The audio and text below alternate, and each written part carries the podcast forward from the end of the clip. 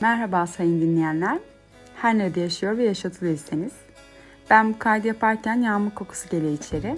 Hava biraz kasvetli. Yaz ortasında arada böyle sürprizlerin olması hoşuma gidiyor. Havanın istediğim kıvamda olmasıyla birlikte hadi dedim yapalım şu kaydı. Bugünkü monoloğum ex nihilo yani yoktan var olma kavramıyla alakalı olacak. Ex nihilo anlayışımızın sınırlarını genişleten ve algılanan gerçekliğimizin dokusuna meydan okuyan mühim bir kavram bana göre. Nedensellik ve varoluş aleminde dönüşümleri, tezahürleri ve güçlerin etkileşimini gözlemlemeye alışkınız.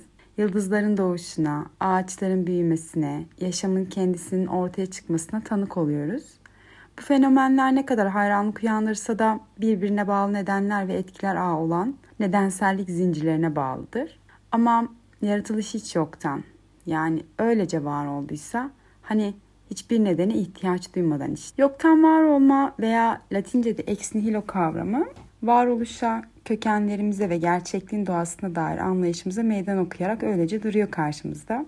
İnsan deneyimimiz içinde sayısız dönüşüm ve oluşum örneğine tanık oluyoruz. Ancak yoktan var etme kavramı bu tür dönüşümlerin ötesinde ontolojik bir sıçrama olarak duruyor. Bizim mutlak hiçlikten bir şeyin doğabileceği fikriyle, sezgisel nedensellik anlayışımıza ve koruma ilkelerine meydan okuyan bir fikirle karşı karşıya getiriyor. Yine de kavramın cazibesini aşılayan ve bizi onun derinliklerine inmeye çağıran tam da bu paradoksal doğadır bana göre. Yoktan yaratılış e, nedensellik ilkesine meydan okur. Çünkü bir şeyin önceden var olan herhangi bir koşulu olmadan, herhangi bir nedensel öncülü olmadan ortaya çıkabileceğini öne sürer. Ex nihilo'yu düşünmek epistemolojik alçak gönüllülüğümüzün derinlikleriyle yüzleşmektir.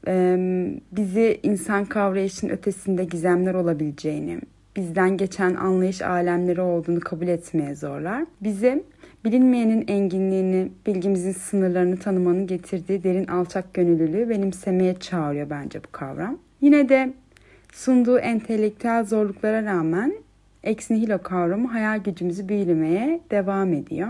Bizi boşluk içinde anlam ve amaç aramaya, varoluşun doğasını ve büyük kozmik e, evren içindeki yerimizi düşünmeye zorluyor. Bizi metafizik alemleri keşfetmeye, gerçekliğin sınırlarını sorgulamaya ve algılanabilir evrenimizin ötesinde aşkın bir köken olasılığını düşünmeye davet ediyor. Teolojik ve kozmolojik söylem içinde ex nihilo, ilahi bir yaratıcı arayışında yankı bulur. Hiçlikten varoluş getirebilecek bir güç. Birçok dini gelenek evrenin harika karmaşıklıklarını ilkel bir yaratılış eylemine bağlayarak böyle bir tanrının varlığını varsayar. Ex düşünürken tanrısallığın doğası, varoluşun kökenleri ve maddi ile maddi olmayan arasındaki karmaşık etkileşim üzerine düşünmeye davetliyiz. Bu felsefi muamma karşısında belirsizliği kucaklamaya, bilinmeyenin uçurumunda dans etmeye çağrılıyoruz. Çünkü yaratılışın gizemleri içinde hiç yoktan entelektüel keşif, bilgelik ve anlayış arayışı için verimli bir zemin yaratıyor. Gerçi arayanlar olarak yolculuğumuzun devam ettiğini, evrenin derinliklerinin ve zihinlerimizin derinliklerinin henüz çözülmemiş sırları olduğunu hatırlatıyor. Teolojik ve felsefi söylemde yoktan yaratılış, ilahi bir yaratıcının varlığı hakkındaki tartışmalarda yankı buluyor. Birçok gelenek mutlak içlikten varoluşu ortaya çıkarabilen nihai yaratılış kaynağı olarak bir tanrıyı varsayar. Bu fikir ex nihilo kavramını keşfetmek ve sunduğu paradoksu potansiyel olarak çözmek için bir çerçeve sunar. Yoktan var etme, bir şeyin herhangi bir neden olmadan varoluşunu ifade eden bir kavram. İslam filozofları bu konuya dair birbirinden farklı düşüncelere sahip. Temelde İslam filozofları Tanrı'nın her şeyin yaratıcısı olduğunu ve her şeyin onun iradesiyle var olduğunu iddia ederler. Dolayısıyla yoktan var etme kavramını da Tanrı'nın iradesiyle ilişkilendirirler. İslam felsefesinde Aristo'nun etkisi büyük o asıl var olanı, var olmak için başka bir şeye ihtiyaç duymayan olarak tanımlıyor. İslam filozoflarının Tanrı tanımı bu tanımla benzeşir. Yoktan var etmeyi başlatan bu anlamda Tanrı'nın iradesidir. İslam filozofları çeşitli argümanlarla bu tezi geliştirmişler ama temel çıkış noktaları aynı. Yani evrenin bir yaratıcısı vardır. O var olmak için kendinden başka hiçbir şeye ihtiyaç duymamıştır ve yaratılan diğer tüm şeylerde bir sebeple onun iradesine bağlıdır. Sadece İslam felsefesi için değil aslında. Tanrı'nın evreni yoktan var ettiği iddiası genellikle teolojik olarak yani dini bağlamda ortaya atılan bir düşünce. Bu iddia Tanrı'nın evrenin yaratıcısı olduğunu ve evrenin hiçbir öncül sebebe dayanmadan var ettiğini savunur. Çünkü o var olmak için kendisinden başka bir nedene ihtiyaç duymamıştır. O zaten vardır ve kendisinin dışındaki varlıkların sebebi de onun varlığı ve iradesidir. Bu iddianın dayanağı Tanrı'nın sınırsız güç, bilgi ve iradeye sahip olduğuna dair geliştirilen inanca dayanıyor. Özetle Tanrı her şeyin kaynağı ve başlangıcı olarak kabul edilir ve evrenin de yaratıcısı olduğuna inanılır. Buradan yola çıkarak Tanrı'nın iradesi ve eylemi evrenin varoluşunu açıklamak için temel bir sebep olarak gösterilir. Bu iddia elbette dini inançların temel dayanağı. Felsefi ve teolojik tartışmalar açık bir konu. Farklı dinlerin ve felsefi sistemlerin içinde Tanrı'nın evreni yoktan var ettiği iddiası farklı şekillerde açıklanıyor. Yani yoktan var etme iddiası doğrudan bilimsel veya fiziksel kanıtlarla desteklenebilecek bir iddia değil. Dünya üzerindeki tüm dinler bunu inanç temelinde ele alıyor.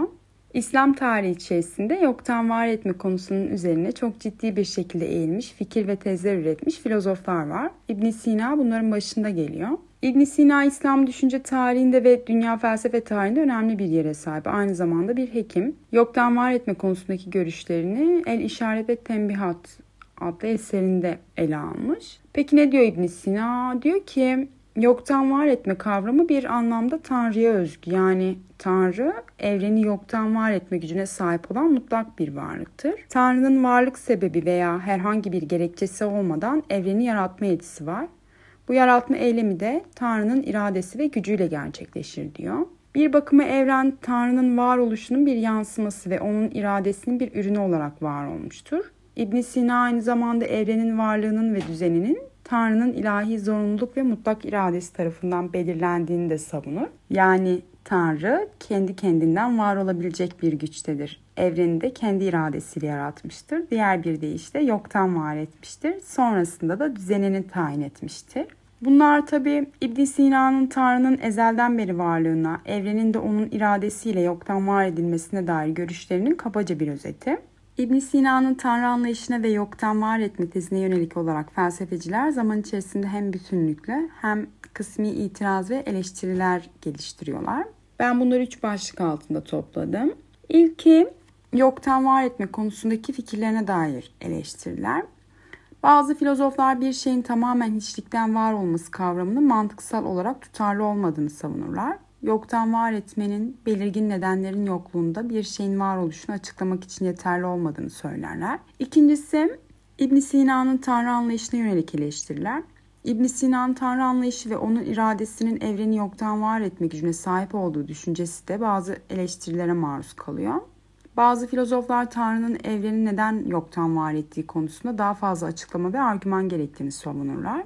Ayrıca Tanrı'nın mutlak iradesi ve gücüyle açıklanan evrenin doğası ve işleyişiyle ilgili daha fazla detay ve açıklama olması gerektiğini düşünürler.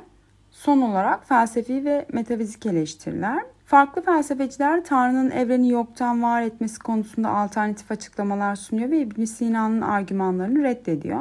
Bu eleştirilere göre evrenin varoluşunu farklı metafizik veya ontolojik prensiplerle açıklamak mümkündür. Bu eleştiriler İbn Sina'nın düşüncelerine yönelik genel olarak kabul edilmiş eleştirilerin genel profili olarak görülebilir. İbn Sina'nın fikirleri ve eleştirilere verdiği yanıtlar da filozoflar arasında tartışma konusu olmuş ve bu yanıtlar çeşitli yönleriyle incelenmeye zaman içerisinde devam etmiş. Bu noktada İbn Rüşd'ün eleştirisi ve karşı tezi başlı başına incelenmeye değer. İbn Rüşd 12. ve 13. yüzyılda yaşamış bir İslam filozofu ve düşünürü. Ona göre yoktan var etmek mantıksal olarak da kavramsal olarak da tutarsızdır. Çünkü evren Tanrı'nın iradesiyle ve onun varlığının bir yansıması olarak vücut bulmuştur. O evrendeki her şeyi var eden bir sebep olduğunu ve bu sebepler silsilesinin zirvedeki esas sebebinin Tanrı'nın varlığı olduğunu savunur.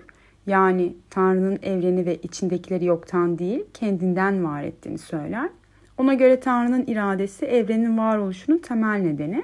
Yoktan var etme konusuna dair düşünsel üretim ve yorumlama çabası aslında düşüncenin tarihi kadar eski ve günümüze kadar süreklilik gösteren bir şey. Evrensel bir çaba aynı zamanda. 17. yüzyıla geldiğimizde bu konuya dair Hollandalı filozof Spinoza'nın yoktan var etme kavramına dair geniş ve derinlikli yorumlamalar yaptığını görüyoruz. Spinoza panenteizm olarak bilinen bir felsefi görüşe sahiptir ve ona göre Evren Tanrı'nın varlığının bir ifadesi. Diğer bir deyişle evren Tanrı'nın kendisidir. Tanrı evrendeki her şeyi içeren bir bütündür ve evren Tanrı'nın bir modifikasyonu veya bir dışa vurumudur. Dolayısıyla çünkü zaten Tanrı'nın varlığı evrenin kaynağıdır ve onu herhangi bir nedene dayanmaksızın var etmemiştir. Aksine varoluşun nedeni de belirleyicisi de odur. Spinoza'nın panenteistik anlayışında Tanrı ve evren birbirinden ayrılmaz bir şekilde birbirine bağlı. Yani bir bakıma evren Tanrı'nın varlığının bir ifadesi, görüntüsü olarak mevcut. Bu bağlamda Spinoza'nın görüşüne göre yoktan var etme fikri geçerli değil. Çünkü Tanrı ve evren birbirinden ayrılmaz bir bütün oluştururlar. Ayrı ve nedensiz bir yaratım sürecini düşünmek doğru değil. Evrenin varlığı Tanrı'nın varoluşunun bir sonucu ve ifadesi anlamına geliyor. Velhasıl görüldüğü üzere veya duyulduğu üzere diyeyim insan deneyimimiz içinde sayısız dönüşüme ve üretken süreçlere tanık oluyoruz. Yine de yoktan yaratılış sıradan anlayışımızın ötesine bir sıçrama olarak duruyor. Bizi bir şeyin mutlak içlikten ortaya çıkabileceği fikriyle karşı karşıya getiriyor. Asıl cazibesi de burada, bu paradoksta yatıyor. Bizi gizemlerine daha derinden dalmaya çağıran bir paradoks bu. Yoktan yaratılış kavramı ampirik gözlem ve bilimsel araştırma sınırlarının ötesine uzanır. Bizi varoluşun temel doğasını ve gerçekliğin kökenlerini düşündüğümüz metafizik alanı iter. Gözlemlenebilir evrenimizin ötesinde aşkın bir alem olasılığı, gerçekliğin dokusunun şekillendirilebileceği bir alandır bu. Sonuç olarak hiç yoktan yaratılış kavramı bizi felsefi bir yolculuğa davet ediyor. Akıl ve sezgi iç içe, varoluş anlayışımıza ve gerçekliğin temel doğasına meydan okur. Belirsizliğe ve metafiziksel çıkarımlara rağmen bu tür kavramları keşfetmek, entelektüel ufkumuzu genişletir ve kozmosun esrarengiz güzelliğini olan takdirimizi derinleştirir. Yaratılışın gizemini yoktan kucaklamak bizi alçak gönüllü bir bilgelik ve anlayış arayışına çağırabilir bence. Hoşçakalın.